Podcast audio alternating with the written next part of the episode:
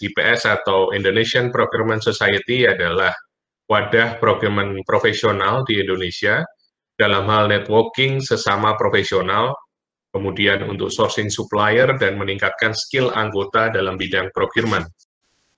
Baik, selamat pagi Bapak Ibu sekalian yang sudah bergabung dalam webinar IPS pada hari ini. Dan pada hari ini tema atau judul webinar kita adalah force major, klausal, dan pandemi COVID.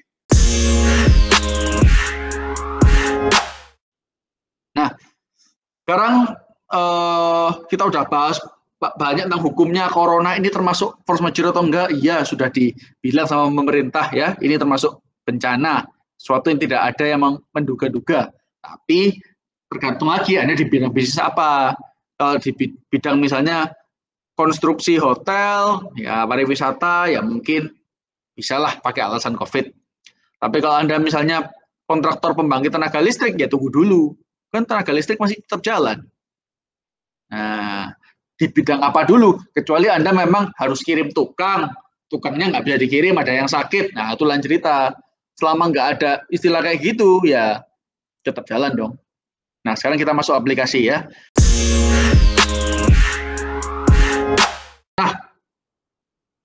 Sekarang kita harus lihat ya, aplikasinya untuk kasus itu gimana, Pak? Kalian harus bisa membedakan, spot the differences. Temukan perbedaan antara eventnya, ya, event force major-nya, COVID-19-nya, ya, di atas itu ya, ke bawah, objek perjanjiannya, ini bangun apa? Pertukaran apa sih? Terus ketiga, pihak yang mengajukan itu siapa? Ya, jadi memang untuk mendefinisikan Pak ini COVID force enggak? Iya. Itu gampang. Tapi kalau Pak, force major COVID ini bisa nggak digunakan sebagai alasan atau tameng untuk menghindari kewajiban? Jawabannya selalu belum tentu. Nggak bisa Anda langsung tanya ke hukum online atau ke mana, tanya-tanya, terus langsung jawab, ya enggak, tergantung semua. Tergantung, ini kenapa konsultasi hukum, ya biayanya tinggi. Karena, dan ada biayanya, dan biayanya tinggi, karena kita harus membedah ini tiga unsur ini dulu eventnya apa COVID? Seperti tadi saya bilang, COVID. Tapi Anda pabrik masker, ya objeknya jual beli masker. Terus yang mengajukan adalah produsen maskernya. Nggak mungkin tuh. Kalau yang mengajukan yang beli bisa contohnya Pak, saya nggak bisa maaf pembelian masker saya tunda dulu atau separuh dulu ya, nggak sesuai perjanjian karena industri saya lagi mogok. Nggak masuk akal kan? Eventnya nggak dapat memang. Objeknya juga masker kan harus pakai, sifatnya wajib.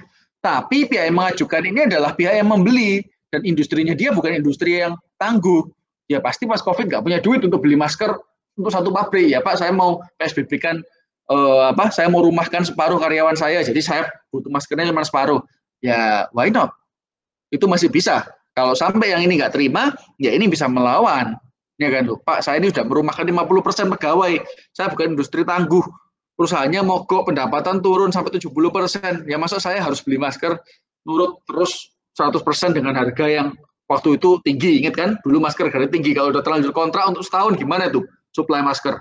Anda ketakutan, takut gak dapat masker. Wis, aku supply masker dari kamu satu tahun dengan harga tinggi. Satu biji 50 ribu. Kan nanti. Ya. Tapi kalau eventnya COVID, objeknya masker, yang pihak yang mengajukan ini produsen ya aneh juga. Kecuali kalau kamu bikin masker butuh bahan dari Cina yang di mana China waktu itu kan ada larangan kan untuk ekspor. Nah itu lain cerita. Jadi harus benar-benar dibedah. Kalian konstruksi ya, eventnya COVID, objeknya kalian pasang tiang pancang, ya. Terus tiba-tiba yang mengajukan eh, apa ya penundaan kewajiban itu yang punya proyek membangunnya. Ya itu harus ada alasannya dulu. Alasannya apa, Pak? Kan ini saya tetap bisa kirim tukang. Tiang panjang masih bisa jalan. Kenapa pembayaran saya harus ditunda? Kalau ada menunda pembayaran, ya saya tunda pekerjaannya. Tapi biasanya kalau gitu, tetap kontraktor yang rugi. ya Karena ada biaya kirim pulang pergi tukang, penempatan barang, ya kan sudah terlanjur dikirim segala macam, sudah terlanjur dibeli. Seperti itulah biasanya kan gitu 50% di DP, 50% buat beli barang-barang semua, tukang-tukang siap taruh di sana. nggak nggak dapat keuntungan, keuntungannya nunggu 50% berikutnya kan. Tapi kalau ditunda ya penghasilan Anda juga tertunda. Jadi memang tiga event ini, tiga eventnya apa ya, objeknya apa, persennya apa itu penting. Contohnya tadi eventnya tanah ambles, ya kan? Objek perjanjiannya itu jual beli mobil mau dibatalkan, yang ajukan membelinya apa? Saya mau batal beli mobil karena jalan di Gubeng ambles lah apa hubungannya? Ya kan? Apalagi kalau beli mobilnya di Jakarta, kan semakin lucu, nggak ada hubungannya, jadi nggak bisa, ya. Next ini, nah water under the bridge itu artinya apa? Itu artinya ya yang berlalu biarlah berlalu, ya. Itu bahasa Inggrisnya bridge itu kan apa ya? Kalian juga kontraktor pasti ada yang bangun jembatan juga, gitu ya. Minimalisir dampak jadi yang bisa kalian lakukan pada saat sudah terlanjur, Pak, ini kontrak saya terlanjur nggak ngatur COVID. Terlanjur saya harus menunda pembayaran. Terlanjur gini, terlanjur gitu. Terus apa yang bisa saya lakukan, Pak? Apa cuma menyerah? Ya enggak, ya. Satu ada minimalisir dampak. Jadi ketidakmampuan tersebut tidak disebabkan oleh kesalahan atau di luar kontrol debitor. Terus ketidakmampuan tersebut tidak dapat dibebankan pada risiko yang tadi ya, yang powerpoint pertama. Terus lakukan yang terbaik berdasarkan dua tentuan ini, ya. Jadi Pertama, misalnya Anda nggak bisa kirim barang. Coba dong, usahakan cari kontraktor lain yang bisa kirim barang. Supaya Anda juga tetap dibayar. ya. Atau kedua, klaim asuransi. Nah, yang sudah terlanjur ke asuransi, saya nggak tahu. Tapi kalau yang sudah asuransi, kan bisa klaim. Diusahakan klaimnya ke asuransi. Kalau gugat pihak sana nggak bisa, sekalian gugat sana, gugat asuransinya. Supaya Anda tetap dapat eh, apa ya uang yang Anda sudah keluarkan untuk proyek itu kan.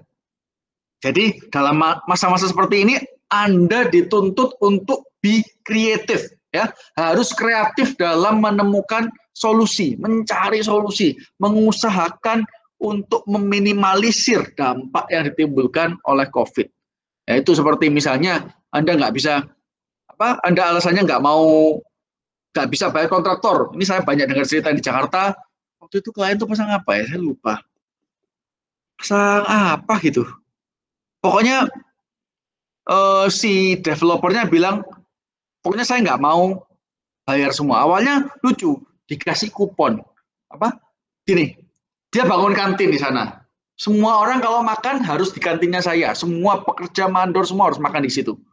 Berarti kan itu apa ya? Dia udah bayar ke pihak kontraktor sekarang dia narik duit lagi kontraktor dengan alasan kesehatan ya kan?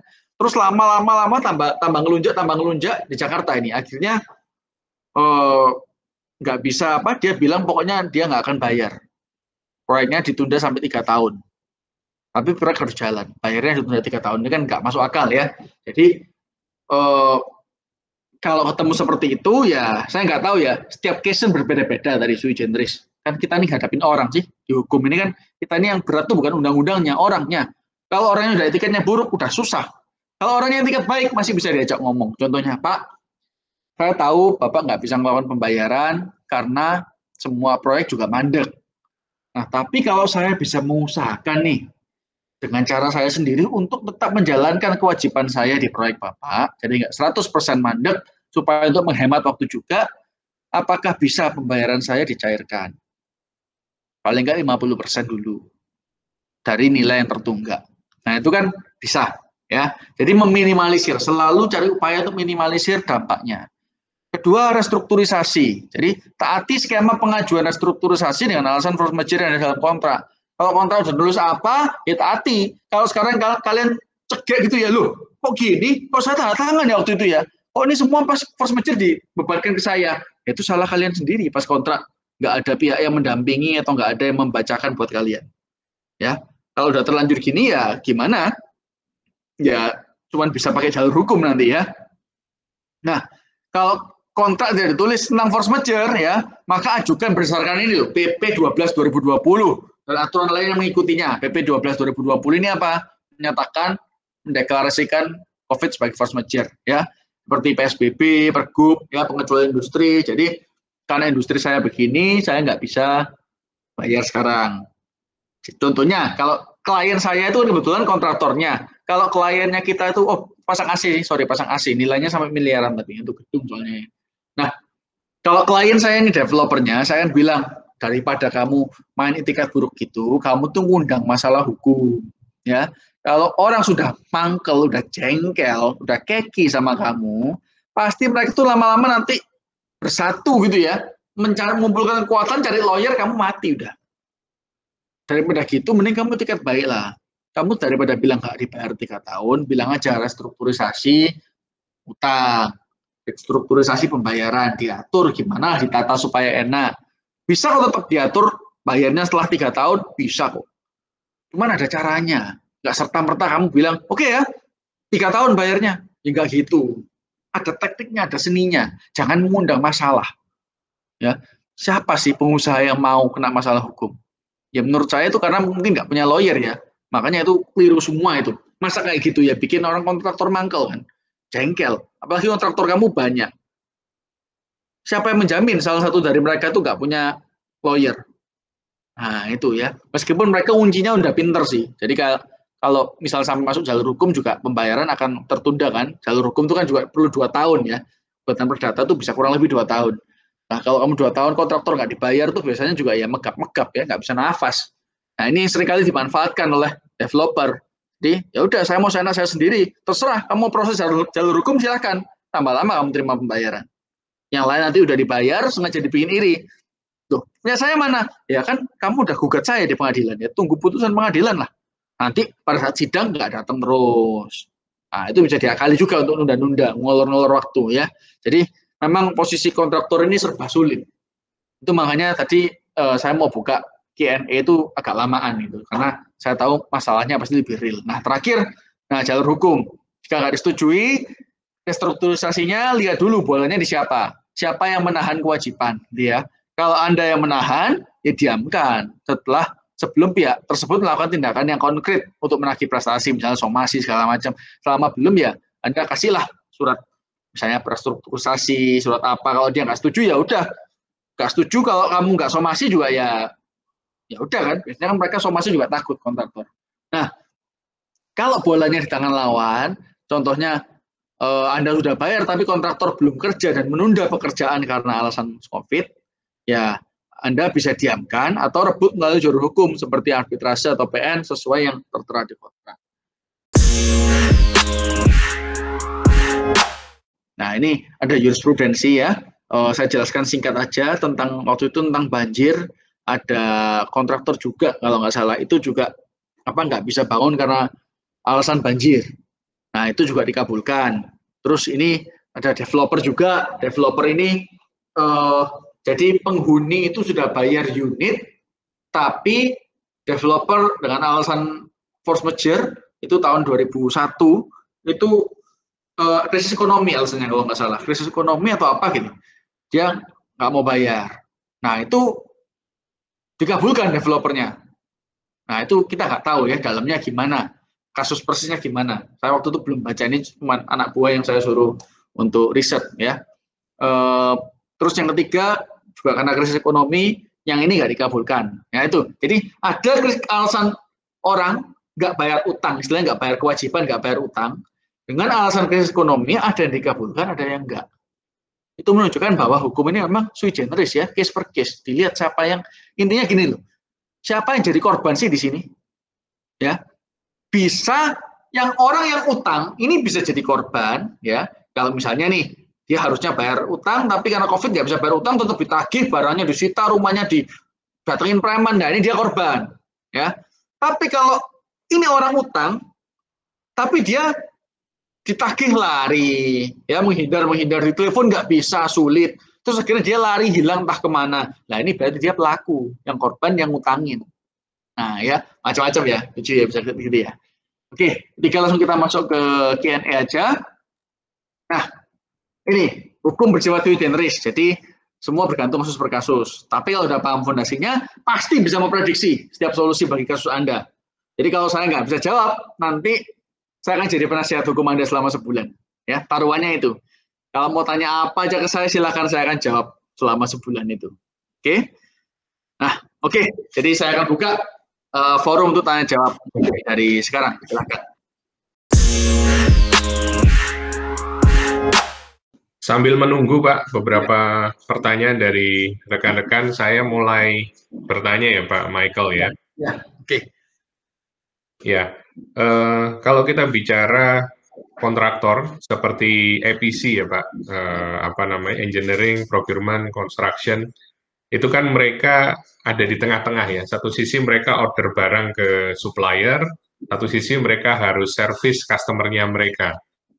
Nah, biasanya ketika mereka beli barang dari luar negeri, uh, katakanlah dari Cina, India, negara-negara yang kena dampak COVID, ini kan kemarin waktu hot-hotnya ini kan uh, lockdown ya, mereka nggak bisa produksi. Ya, ya ekspor. Nah, akhirnya, uh. akhirnya planningnya mundur semua. Nah, bagaimana kira-kira dari pihak EPC kontraktor ini berada di tengah-tengah antara supplier dengan customer yang tadi Bapak bilang punya etikat baik gitu loh. Dan saya ya. rasa nggak seindah itu kenyataannya. Ada supplier atau customer yang mau menang sendiri ya. Artinya eh, saya mau mendapatkan keuntungan dari situ. Nah, kira-kira ada saran nggak Pak dari sisi Bapak untuk melihat eh, efisi kontraktor ini menyikapi hal seperti itu harus bagaimana secara hukum? Silahkan Pak.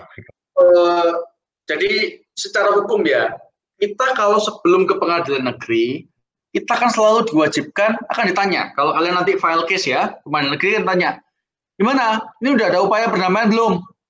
Udah pak, buktinya apa? Ini saya sudah somasi, udah gini-gini sih, tidak ada tanggapan. Oke.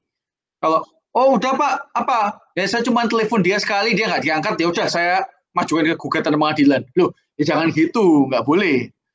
Kontak dulu, coba pertemuan dulu, mediasi dulu. Dia nggak akan tanganin sebelum ada mediasi. Nah, jadi kuncinya dalam setiap perkara hukum itu komunikasi. Jadi hakim pun sebenarnya nggak suka kalau kalian ini banyak kasusnya, ya dia juga repot.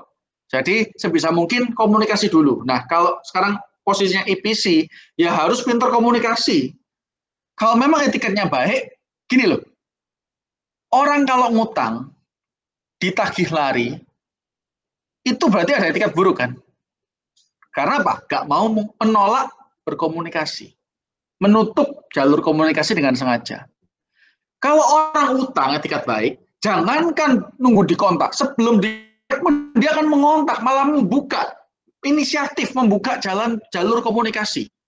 Jadi yang paling penting ya di sini IPC harus punya tim ya, atau punya orang kalau nggak bisa pakai lawyer gitu ya, ya dengan alasan mungkin biaya atau mungkin alasannya ya sungkan pak masuk pakai lawyer. Nah itu anda harus punya orang spokesperson ya, spokesperson yang bisa mengkomunikasikan dengan baik. Ya, mengkomunikasikan kenapa saya nggak bisa kirim barangmu hari ini. Nah, itu harus ada dan mengkomunikasikan kalau bisa, kalau lawannya alot, ya semua ini kan perang tentang orang ya. Lawannya alot, ya pasti Anda harus back data Anda ya, back atau backing klaim Anda dengan bukti-bukti contoh. Ini ada uh, berita mengenai China ditutup, ini sekarang kita nggak bisa jalan. Terus kontraknya menyatakan bahwa di dalam hal-hal yang di luar kontrol kita, maka para pihak sepakat untuk menanggung secara bersama total kerugian. Jadi misalnya dia tetap mau ngotot kirim hari ini, ya Pak nggak bisa. Memang kerugiannya apa Pak? Kalau misalnya harus kirim apa bulan depan misalnya, dia akan menyebutkan ABCD. Nah ini kalau memang etiket baik, harusnya juga dari pihak IPC jangan cuma pintar ngomong doang, kedua juga pintar aksi. Aksi itu ada dua. Pertama bayar, bayarnya paling gampang secara te secara teori, tapi prakteknya paling susah. Ya, ya udah Pak, kerugian Anda saya tang tanggung separuh karena kan sama-sama kan. Nah tapi nggak ada kan IPC yang mau seperti itu. Kalau kamu nggak bisa bayar, nggak punya duit, ya harus pakai kaki, pakai tangan, ya usaha. Oh Pak, bentar saya kenalkan ya ke misalnya kalau misalnya ini, kalau saya nggak bisa pasang aluminium, Anda nggak bisa pasang kaca, ya kan?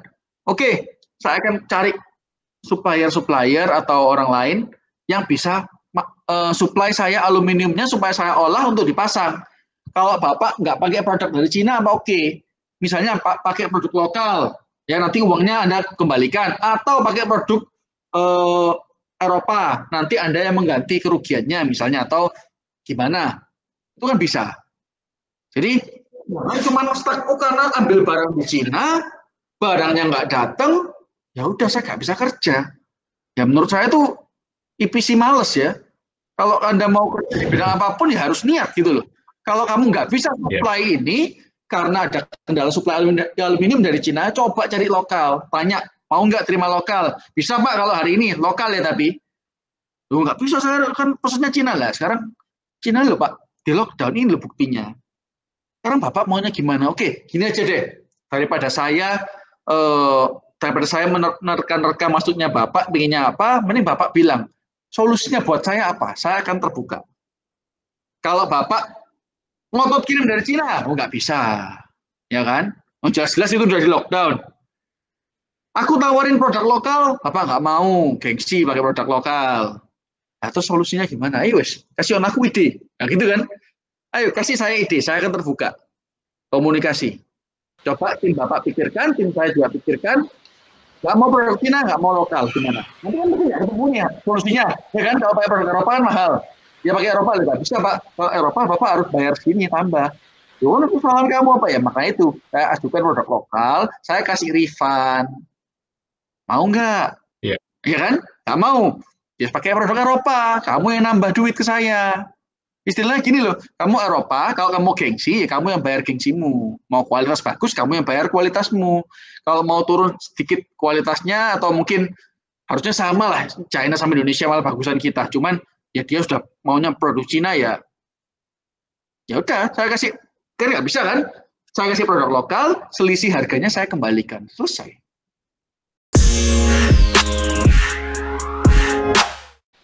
Saya Yohan, Bapak. Yuan. Ya, silakan. Iya. Uh, kalau tadi itu untuk pengadaan barang dan jasa ya Pak, ini mohon maaf agak menyimpang sedikit. Ya, uh, kondisinya ini adalah untuk kontraktor di bidang pertambangan. Oke. Okay. Berarti ini multi multi complicated masalahnya di yang saya hadapin sekarang gitu kan.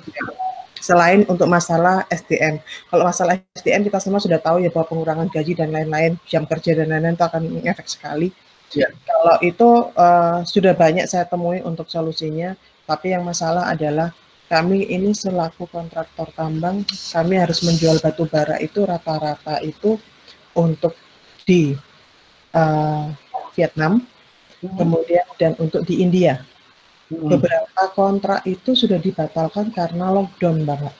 Ya. Nah, apakah batu bara yang sudah kami produksi, gitu, ya. kami tambang, gitu. Uh, kami sudah meminta itu untuk adanya restrukturisasi atau pembaharuan kontrak untuk hmm. melihat kondisinya bagaimana. Tapi gitu ya. Ya, tapi sampai dengan detik ini ternyata pemerintah juga uh, rasanya belum belum belum menyentuh atau sampai ke sana untuk masalah kebijakan pembukaan ini, pembukaan lockdown. Jadi hmm. itu uh, batu bara itu kan ada masa expired untuk disimpan ya yeah. di stockpile gitu dan itu mempengaruhi kualitas yang aslinya grade-nya A katakanlah bisa menjadi grade C atau D yang nggak layak lagi untuk dijual hmm. gitu kondisi yang seperti ini terus bagaimana Pak kami selaku uh, legal corporate ya memberikan yeah. advice kepada business owner oke okay. berarti yang di India sama di mana Vietnam ya India dan Vietnam itu ada tiga kontrak yang batal Pak mereka udah bayar sepeser pun belum? Mereka bayarnya sistemnya gini, pada saat ada vessel itu sudah masuk wilayah Indonesia, hmm. itu sekian persen, vessel sandar sekian persen, batu bara muat di atas vessel itu baru clear 100 persen. Baru nanti vesselnya bisa keluar lagi. Lah, ini aja mau masuk aja nggak bisa gitu. Nggak bisa. Berarti pembayaran belum jalan. Yang lockdown pembayaran dari Indonesia atau dari Indianya? Dari Indianya yang sekarang. kan? ya nah. Indonesia-nya. Nah, nah, kalau begitu silahkan aja lihat kontraknya. Ya, dia ngomong batal, kalau tergantung. Kalau pun dia bilang batal, kalian sepakati ya udah habis loh perkara. Kalau mereka mau batal, kalian masih ngotot jangan batal. Terus mereka kayak itu anggap aja batal, nggak mau bayar. Nah kalian lihat di klausula paling belakang itu biasanya nomor berapa? Nomor 10 kalau kontraknya pendek atau pasal 16 17 kalau misalnya kontraknya nggak panjang. Itu di force majeure. Bagian force majeure penyelesaiannya gimana? atau sama bagian sengketa, penyelesaian sengketa paling akhir. Itu kan lewat arbitrase biasanya siap Singapura ya. E, di situ ya udah kasih somasi ini dengan prinsipnya ya. Jadi kontrak force majeure dalam kontrak dan dalam prinsip internasional kalau punya research sendiri tidak serta-merta membatalkan kontrak. Karena kami sudah mengambil resiko dan e, menanggung kerugian ABCD. Kita mengajukan apa restrukturisasi atau apa ya kalian maunya itu apa gitu kan kondisinya sekarang serba susah kalian maunya apa kalau sampai ini nggak di nggak ada respon yang positif atau nggak menemukan hasil maka kita akan maju ke ini penyelesaian di mana? Arbitrase atau di mana? Biasanya arbitrase siap kan? Kita akan maju ke siap. Siap maju aja ke siap karena saya yakin kalau batu bara volumenya nggak mungkin satu dua ton ya kan? Dan kalau turun grade itu pasti nilainya udah berapa? Puluhan miliar nggak tahu ratusan miliar kali. Saya rasa itu worth it untuk diperjuangkan ke arbitrase. Kalau kami sih langkahnya kemarin itu kami sudah ajukan somasi Bapak, tapi belum hmm. ada tanggapan gitu kan. Yeah. Kami iya. antisipasi yeah. ya sampai dengan jangka waktu somasi itu ternyata belum ada tanggapan. Berarti uh, kami selaku kor, uh, corporate legal pasti kami akan uh, minta bantuan untuk lawyer menyelesaikan yeah. kontraknya seperti itu. Yeah. Karena nilai kontraknya memang besar dan kerugiannya juga besar juga gitu. Ya, nah itu kamu harus uh, perusahaan harus berani pakai lawyer untuk nagih karena kalau enggak mati loh perusahaan. Iya betul.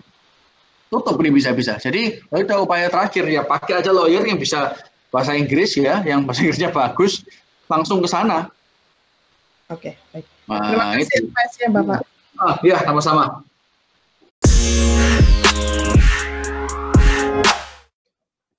Ya, terima kasih Bu Yuan. Yang lain Bapak Ibu sekalian? Oh, ini ada chat, ya. Pak. Uh, saya bacakan ya, Pak. Dari Pak Fajar, kalau nggak salah ini ya, Del Fajar. Saya punya debitur, Pak. Total hutang hanya 14 juta. Ditelepon tidak diangkat, di WA nggak dibalas. Dikirim surat peringatan, nggak ada respon. Disamperin rumahnya, nggak mau nemuin. Malah anaknya yang nemuin. Padahal debitur tersebut jelas-jelas di rumah. Kira-kira saran atau jalan apa yang harus kami lakukan? Ini sedikit keluar dari topik ya. Mungkin ya. bisa dibantu menjelaskan, Pak Michael ini ini masalahnya ya coba saya mau coba tebak-tebakan sama kalian ya masalah dari Pak Fajar ini kan kelihatan simpel ya. Tapi kunci masalahnya di mana coba? Ayo. Baik, sama-sama mikir ya, sama baik. saya supaya kalian nggak ngantuk ya. Sama-sama. Ya baik Pak. Goodwill debitur. Total utang hanya 14 juta ya. Tiga hari telepon nggak diangkat ya. Di kontak nggak bisa kan? Di WA nggak dibalas, kirim surat peringatan sama lah. Keempat, disamperin rumahnya nggak dia mau nggak mau ditemui, padahal jelas-jelas di rumah. Nah, dari empat ini mana masalahnya? Ini punya utang, utang 14 juta, kontak nggak dibalas, didatengin juga nggak mau nemui. Masalahnya di mana? Ayo, mungkin Pak Brian mau nyoba nebak. Uh, masalah goodwill aja sih Pak. Nah, kalau ini dari Pak Fajar sendiri, Gimana Pak Fajar mungkin. Silakan Ayo. Pak Fajar. Etika buruk, ya. Tapi dari empat yang saya sebut tadi, masalahnya itu dini loh. Total hutang hanya 14 juta. Nah, kok Bapak, kenapa nominal itu emang kalau otanya kecil nggak bisa ditagih? Nah, ini saya jelaskan. Ya. Orang kalau sudah etikanya buruk, gak ada jalan lain selain masuk hukum. Mau perdata bisa dipidana, ada caranya. Seharusnya nggak boleh, tapi ada caranya. Tapi yang jelas-jelas nggak boleh dilakukan adalah Anda datang sendiri ngerampas TV-nya misalnya. Ya, atau Anda ambil motornya, merusak rumahnya itu nggak boleh. Jadi di sini meskipun sana yang utang, sana yang kuat, Anda yang lemah Pak Fajar. Jadi satu-satunya cara yang sejalan dengan hukum adalah pertama gugat perdata, ya kan? Sudah lakukan usaha, nggak ditanggepin, udah cukup lah, bisa lah gugat perdata. Dua, laporan polisi. Ya, penipuan atau penggelapan nanti bisa diatur sama lawyernya. Nah, sekarang untuk ngatur gugatannya harus gimana? Itu Pak Fajar tahu atau enggak? Tentunya enggak tahu. Kalau tahu nggak perlu tanya ya, pasti udah selesai ya kan. Kedua, untuk laporan polisi, tahu enggak mekanismenya gimana? Ngomong sama polisi itu ada seninya loh. Ya, aku nggak usah ngomong karakternya polisi seperti apa, tapi Anda tahu semua lah. Nah sekarang, kalau nggak tahu semua ini, berarti butuh siapa? Lawyer kan? Nah sekarang gini, lawyer, Anda tujuannya mau uangnya kembali atau menghukum? Kalau Anda tujuannya menghukum, oh silahkan. Pakai lawyer terbaik, hajar orang itu gimana caranya rumahnya disita segala macam, sudah Anda bahkan bisa berani bayar 100 juta untuk ngurus masalah 14 juta. Tapi kalau tujuan Anda bukan hukuman, tapi uangnya mau kembali, ya itu kan berarti Anda itu harus apa ya? Udah terlanjur mau nangkep ikan, ya ikannya itu harganya kalau dijual 14 juta, tapi umpannya harus 50 juta atau 100 juta. Mahal di umpannya. Nggak worth it. Nggak worth it utang 14 juta pakai lawyer. Kecuali Anda bisa cari lawyer yang mau pro bono. Ya, dan biasanya gini loh, cari lawyer yang mau pro bono itu nggak susah. Susahnya itu ada mereka yang tetap mau terima pro bono, tapi menjaga kualitasnya seakan-akan Anda bayar. Itu yang susah. Kalau lawyer cuma dikasih kuasa, iya jalan, tapi nagihnya setengah hati, majunya juga salah-salahan, sidang nggak datang, ya karena nggak dibayar, ya repot juga kan. Jadi kalau memang ah, tujuan uang kembali, kalau utangnya 14 juta, agak susah Pak Wajar agak susah ya itu ya harus anda mau pakai jalan kekerasan, jalan preman, jalan koboi nggak bisa, ya kan? Saya nggak akan nyarankan dong. Tapi mau pakai jalur hukum, biayanya berapa? Utangnya segitu. Ya saran saya pakai polisi aja. Kalau memang ini harus saya harus keluarin saran ya untuk uh, segala permasalahan yang ada, kendala budget, kendala nilai nominal, ya pakai laporan polisi aja. Bilang saya ditipu pak, ya ceritakan. Nah ini ini repot ya. Jadi hukumnya debitor itu nggak boleh dipenjara nggak boleh dipidana. Ya berarti kalau mau memidanakan debitor anda harus masuk ke penggelapan atau penipuan. Nah penggelapan atau penipuan ini kan harus memenuhi unsur-unsurnya. Barang siapa menguasai mengambil barang orang lain dengan tipu muslihat. Nah ini tipu muslihat semua tuh harus di, dibuktikan. Kalau buktinya cuma chat WA Pak saya mau pinjam duit berapa? 10 juta. Oke Anda kasih Ya nggak ada tipu muslihatnya. Kesepakatan kok.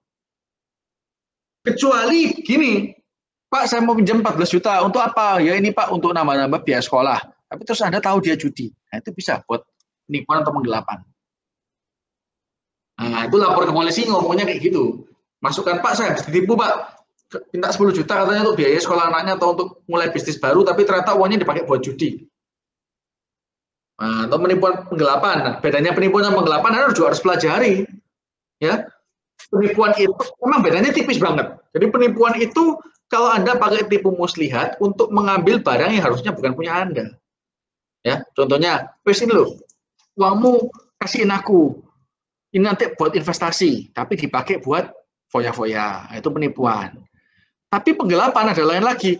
Kamu menguasai barang dengan cara legal, nggak tipu muslihat, tapi kamu gunakan untuk hal lain. Contohnya, nah ini pemerintahan sering kayak gini ya, dana untuk pendidikan, tapi dialihkan pendidikan masyarakat, tapi dialihkan ke pendidikan anaknya sendiri ya, buat sekolah ke Amerika.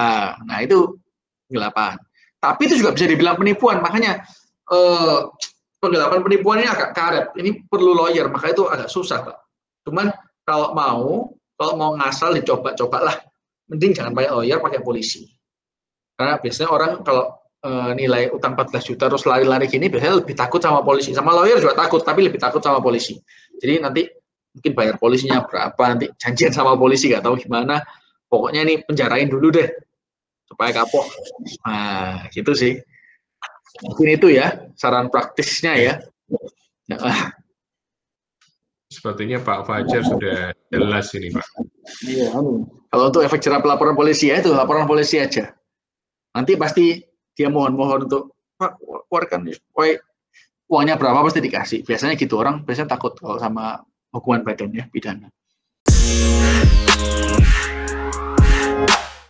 Ya, saya melanjutkan pertanyaan saya tadi Pak uh, berbicara mengenai EPC kontraktor tadi ya. ya. Dalam arti uh, kebetulan memang customer-nya kan juga mengalami kendala ya dari sisi bisnis terdampak COVID biasanya mereka juga masih bisa eh, apa namanya diajak untuk delay pekerjaan. Tetapi kan eh, apa namanya konteksnya akan berbeda dengan yang ditanyakan oleh Ibu Yuan tadi ya. Hmm. Di satu sisi customernya maunya mengurangi pengeluaran karena lagi dampak COVID sehingga membatalkan ordernya, apa membatalkan order call-nya tadi ya batu bara. Nah, pertanyaan saya gini Pak, kalau kita melihat dari sisi kontrak yang sudah ada, eh, kita kan tadi melakukan yang namanya eh, komunikasi ya, goodwill ya. dengan pihak masing-masing pihak, dengan ya. pihak supplier, kemudian ya. klien kita.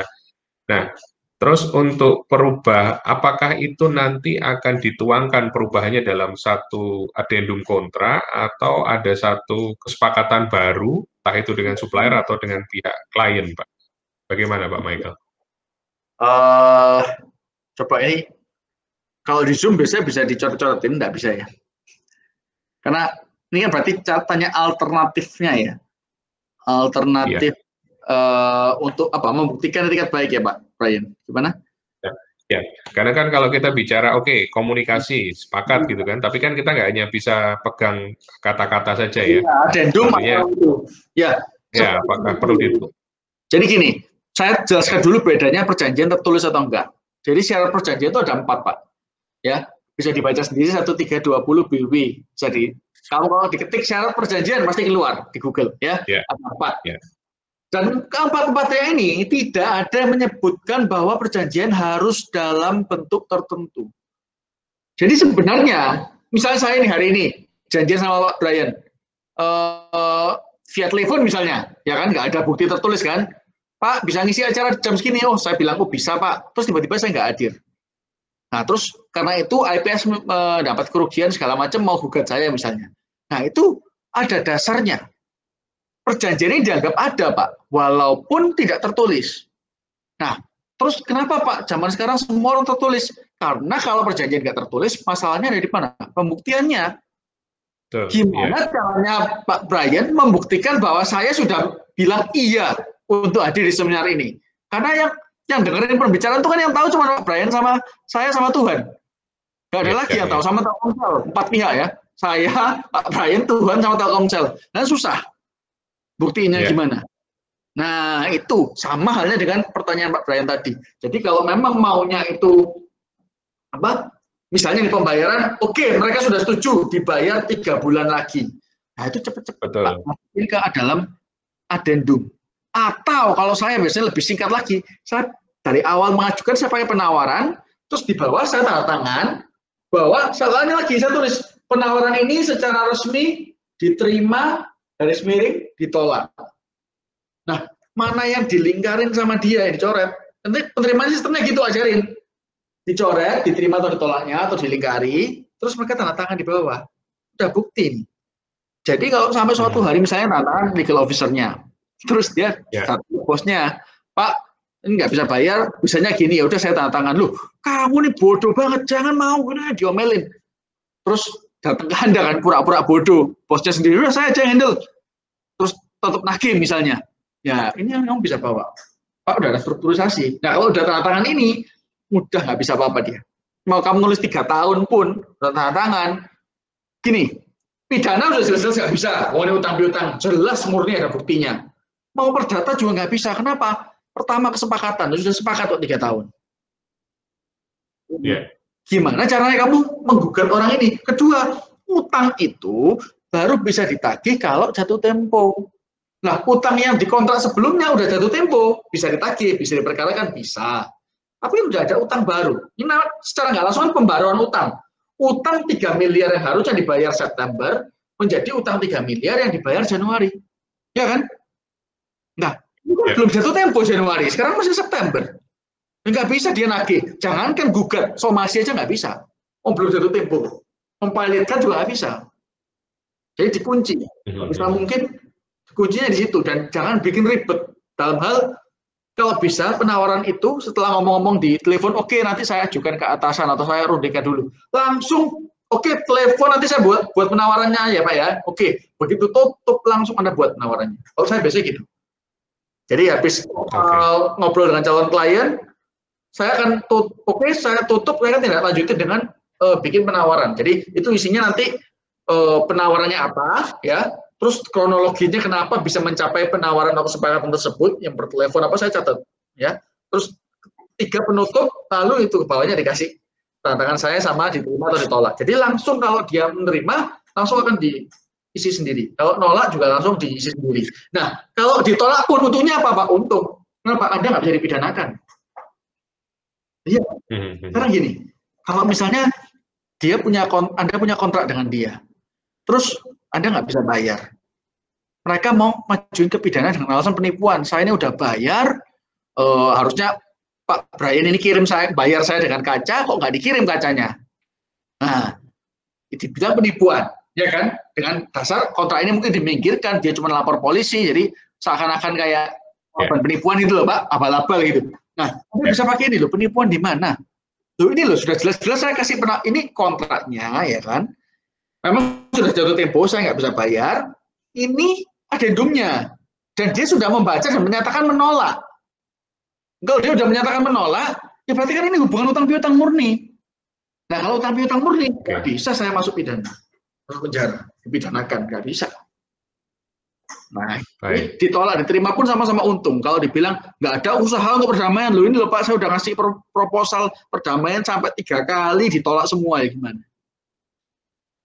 Ya, ya. Nah itu.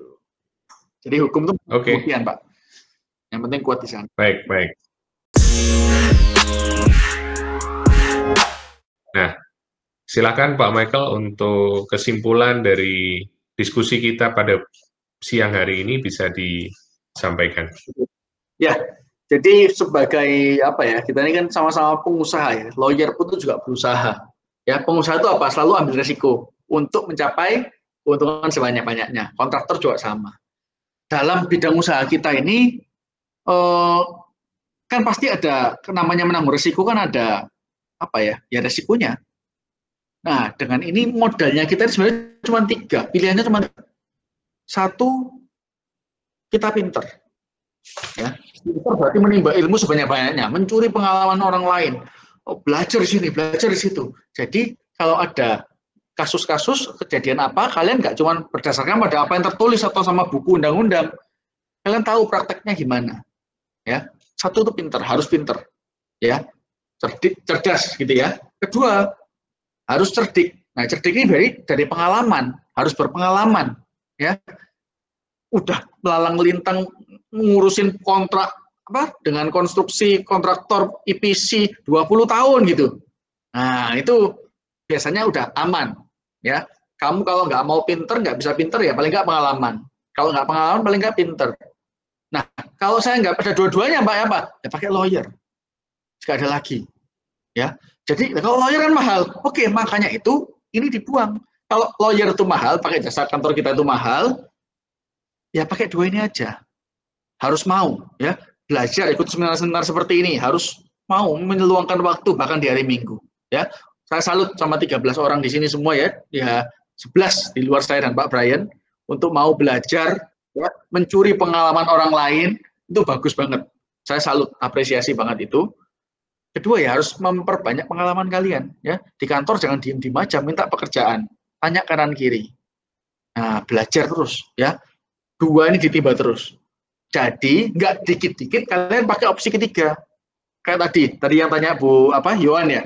Dia udah punya ilmunya, sudah punya pengalamannya, udah diurus gimana akhirnya nggak bisa. Ya terpaksa dia harus ambil jalan ketiga. Ya itu benar. Dan memang seharusnya seperti itu. Jangan kalian dikit-dikit pakai yang ketiga. Nah, ini biayanya berat. Nah, itu. Jadi ya, tiga itu ya. Mau pintar, pengalaman, atau pakai lawyer. Pengalaman orang lain. Ya kan? Seperti itu. Ya, semoga sukses lah buat kalian uh, para pengusaha-pengusaha ya, kontraktor IPC. Saya tahu ini masanya susah, nggak gampang. Bagi semua bisnis juga nggak gampang. ya. Tapi saya percaya kalau misalnya kalian itu ada etikat baik, kalian itu op operasionalnya dari dulu itu caranya benar ya mengelola keuangan, saya rasa dampaknya kan jauh terminimalisir. Banyak sekali dari klien kita ya, kantor kita malah rame pas COVID ini. Itu malah, itu tuh sering jatuhnya karena nggak pinter ngelola duit. Begitu dapat duit, duitnya di-spend. Puter terus, main resiko terus, main resiko terus. Jadi begitu macet, udah nggak bisa bayar. Ya, biasanya lawannya klien sih, klien kita enggak. Lawannya itu sering kayak gitu. Jadi uangnya itu diputar. Maka dari itu begitu ada macet, langsung nggak bisa menolong dirinya sendiri. Jadi itu jangan serakah, jangan apa ya, pinter-pinter lah, bijak, harus bijak. Bahwa duit gak cuma butuh bijak, bijak. Kalau udah bijak pasti semuanya itu ada solusinya gitu ya, bisa diminimalisir. Jadi ya ditahan aja, ya semoga kita semua ya secara ekonomi maupun kesehatan sampai ya, ya sampai apa ini berakhir lah ya paling enggak. Itu aja sih. Ya. Baik. Baik, terima kasih Pak Michael untuk Ya. waktunya. Berapa Terima jam kasih. ini sangat berharga Pak masukannya. Ya, wah, Ya. thank you, thank you. Terima kasih buat Bapak Ibu sekalian yang sudah bergabung dalam IPS webinar kali ini. Sampai jumpa pada sesi webinar bulan depan. Tetap sehat, tetap semangat. God bless. Terima kasih semuanya.